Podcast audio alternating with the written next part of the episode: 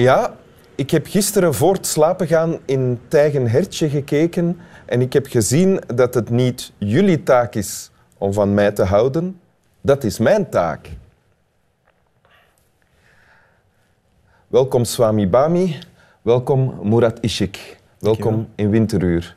Murat Ishik, u bent eh, schrijver, jurist eigenlijk van opleiding, heb ik Ja. vernomen.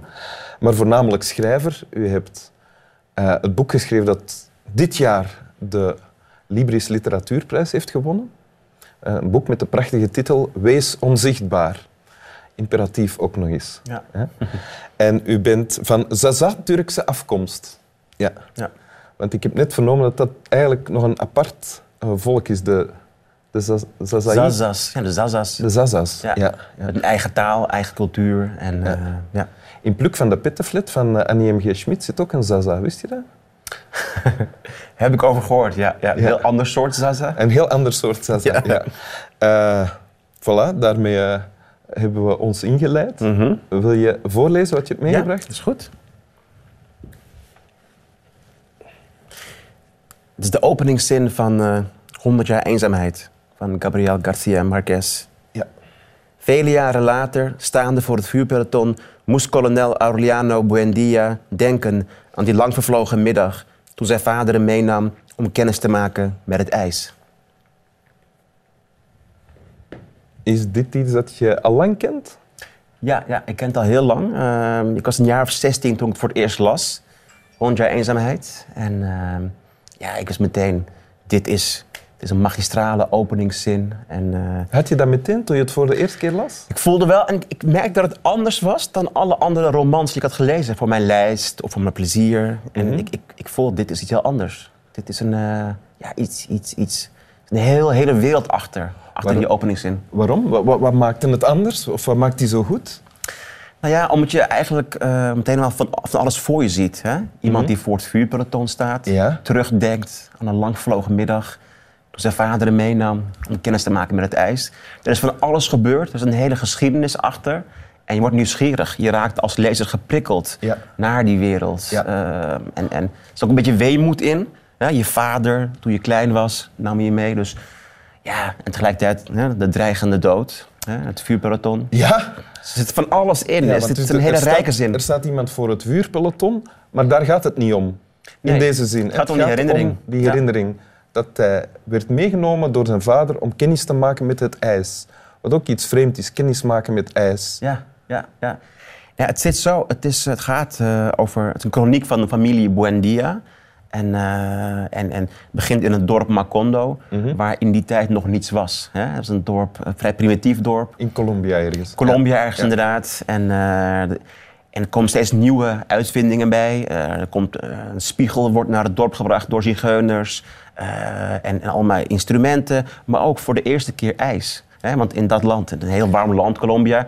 er was geen ijs tot iemand ijs meenam. En het is een heel magisch moment ook in het leven van die dorpelingen. Ja. En zo zijn er meer momenten dat er steeds meer nou ja, beschaving naar het dorp komt. En, En het jongetje dat later kolonel zal worden en in hoedanigheid van kolonel voor het vuurpeloton Mhm. zal eindigen, eh, wordt door zijn vader meegenomen om te kijken naar het ijs. Ja, ja, ja. Iets spannends.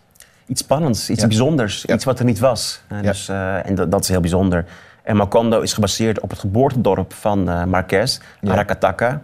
En hij heeft dat eh, gemaakt tot Macondo, het magische dorp Macondo. Ja. En eh, ja, ik vind het heel bijzonder. Ik heb ooit een documentaire gezien over eh Marquez, ergens in de jaren tachtig, denk ik, een Nederlandse documentaire. En dan zijn ze naar het geboortedorp van Marquez gegaan.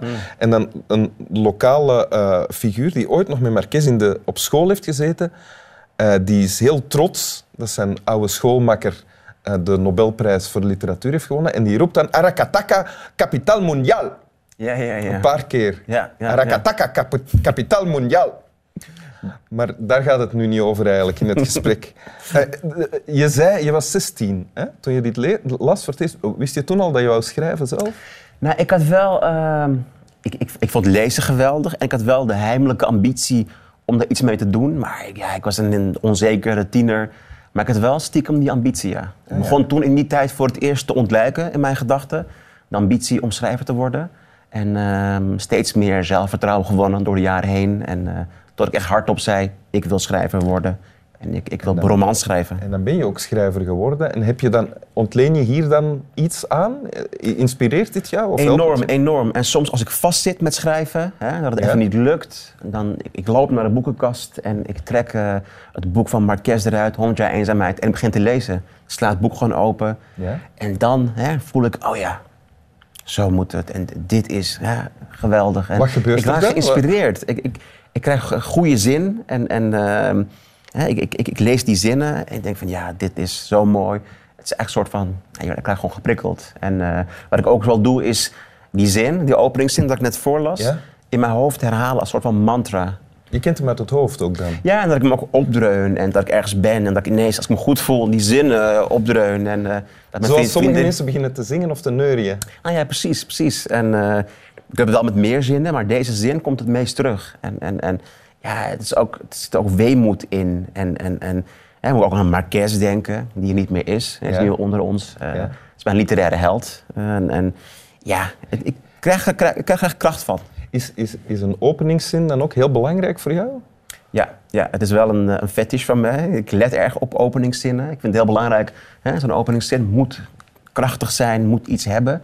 Dus eh, ik vind het heel belangrijk. Ken, ja. kan je de, de openingszin van jouw roman, waarmee je de Libris Literatuurprijs hebt gewonnen? Die ken ik. Ja? ja, ja. ja. Zeg eens. Ja.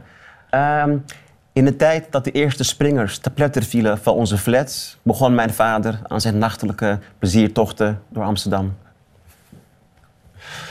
Prachtig, er is ook een beetje gelijkenis. Hè? In de nacht dat de eerste springers... Ik stel mij voor dat dat mensen zijn die van, het van een flatgebouw springen. Ja, ja, ja. Zelfmoordenaars. Mhm. Maar daar gaat het niet om. Nee. Want in die tijd nam de vader ook... Ja, en die begint aan zijn nachtelijke pleziertochten door Amsterdam. Ja. Ja, terwijl eigenlijk die wijk verloedert, denkt die vader aan zichzelf en dan gaat hij lekker feest vieren, drinken, gokken, en lekker op stap eigenlijk. Ja. De feestbeest uithangen, terwijl die wijk verloedert en het gezin achterblijft in die flat, Oh ja. in de Bijlmer. Ja, ja. Ja. Dus daar zit ook, er zit ook al van alles in die openingszin. Hè? Want ik Ja. wil dan ook wel weten van hoezo springers, uh, hoezo wonen... Dat wordt waarschijnlijk ook ontsluierd in Mhm. het boek. Klopt, klopt. Ja. Wordt, wordt verteld. Een wijk die, die hard achteruit gaat, een ghetto wordt.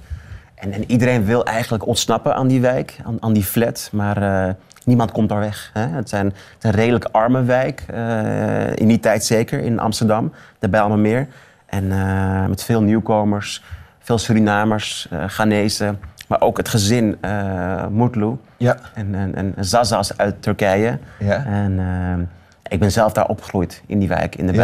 Ja. Dus ik wil er iets mee doen. Dus dat, dat was jouw Arakataka eigenlijk. Precies, nou, dat was mijn Arakataka. Ja. En eh, ja, maar een mooie, grappige vergelijking inderdaad. En, eh, ja, dus ik vond het heel belangrijk om een openingszin te hebben die, die resoneert, die, die, die een, een hele wereld oproept. Ja. Ik zou eh, willen vragen, wil je hem nog eens voorlezen? Maar eigenlijk is het niet nodig dat je hem voorleest. Wil je hem nog eens zeggen? Die van eh Marquez? Ja? Eh, ja, vele jaren later, staande voor het vuurpeloton, moest kolonel Aureliano Buendia denken aan die lang vervlogen middag toen zijn vader hem meenam om kennis te maken met het ijs. Dank u wel. Dank je. Slaap wel. Arakataka Kapitaal Mondiaal. Zo'n gast met drie tanden of zoiets. Ja, ja. Mooi. Ik ga het opzoeken op, op YouTube. Ja, ja.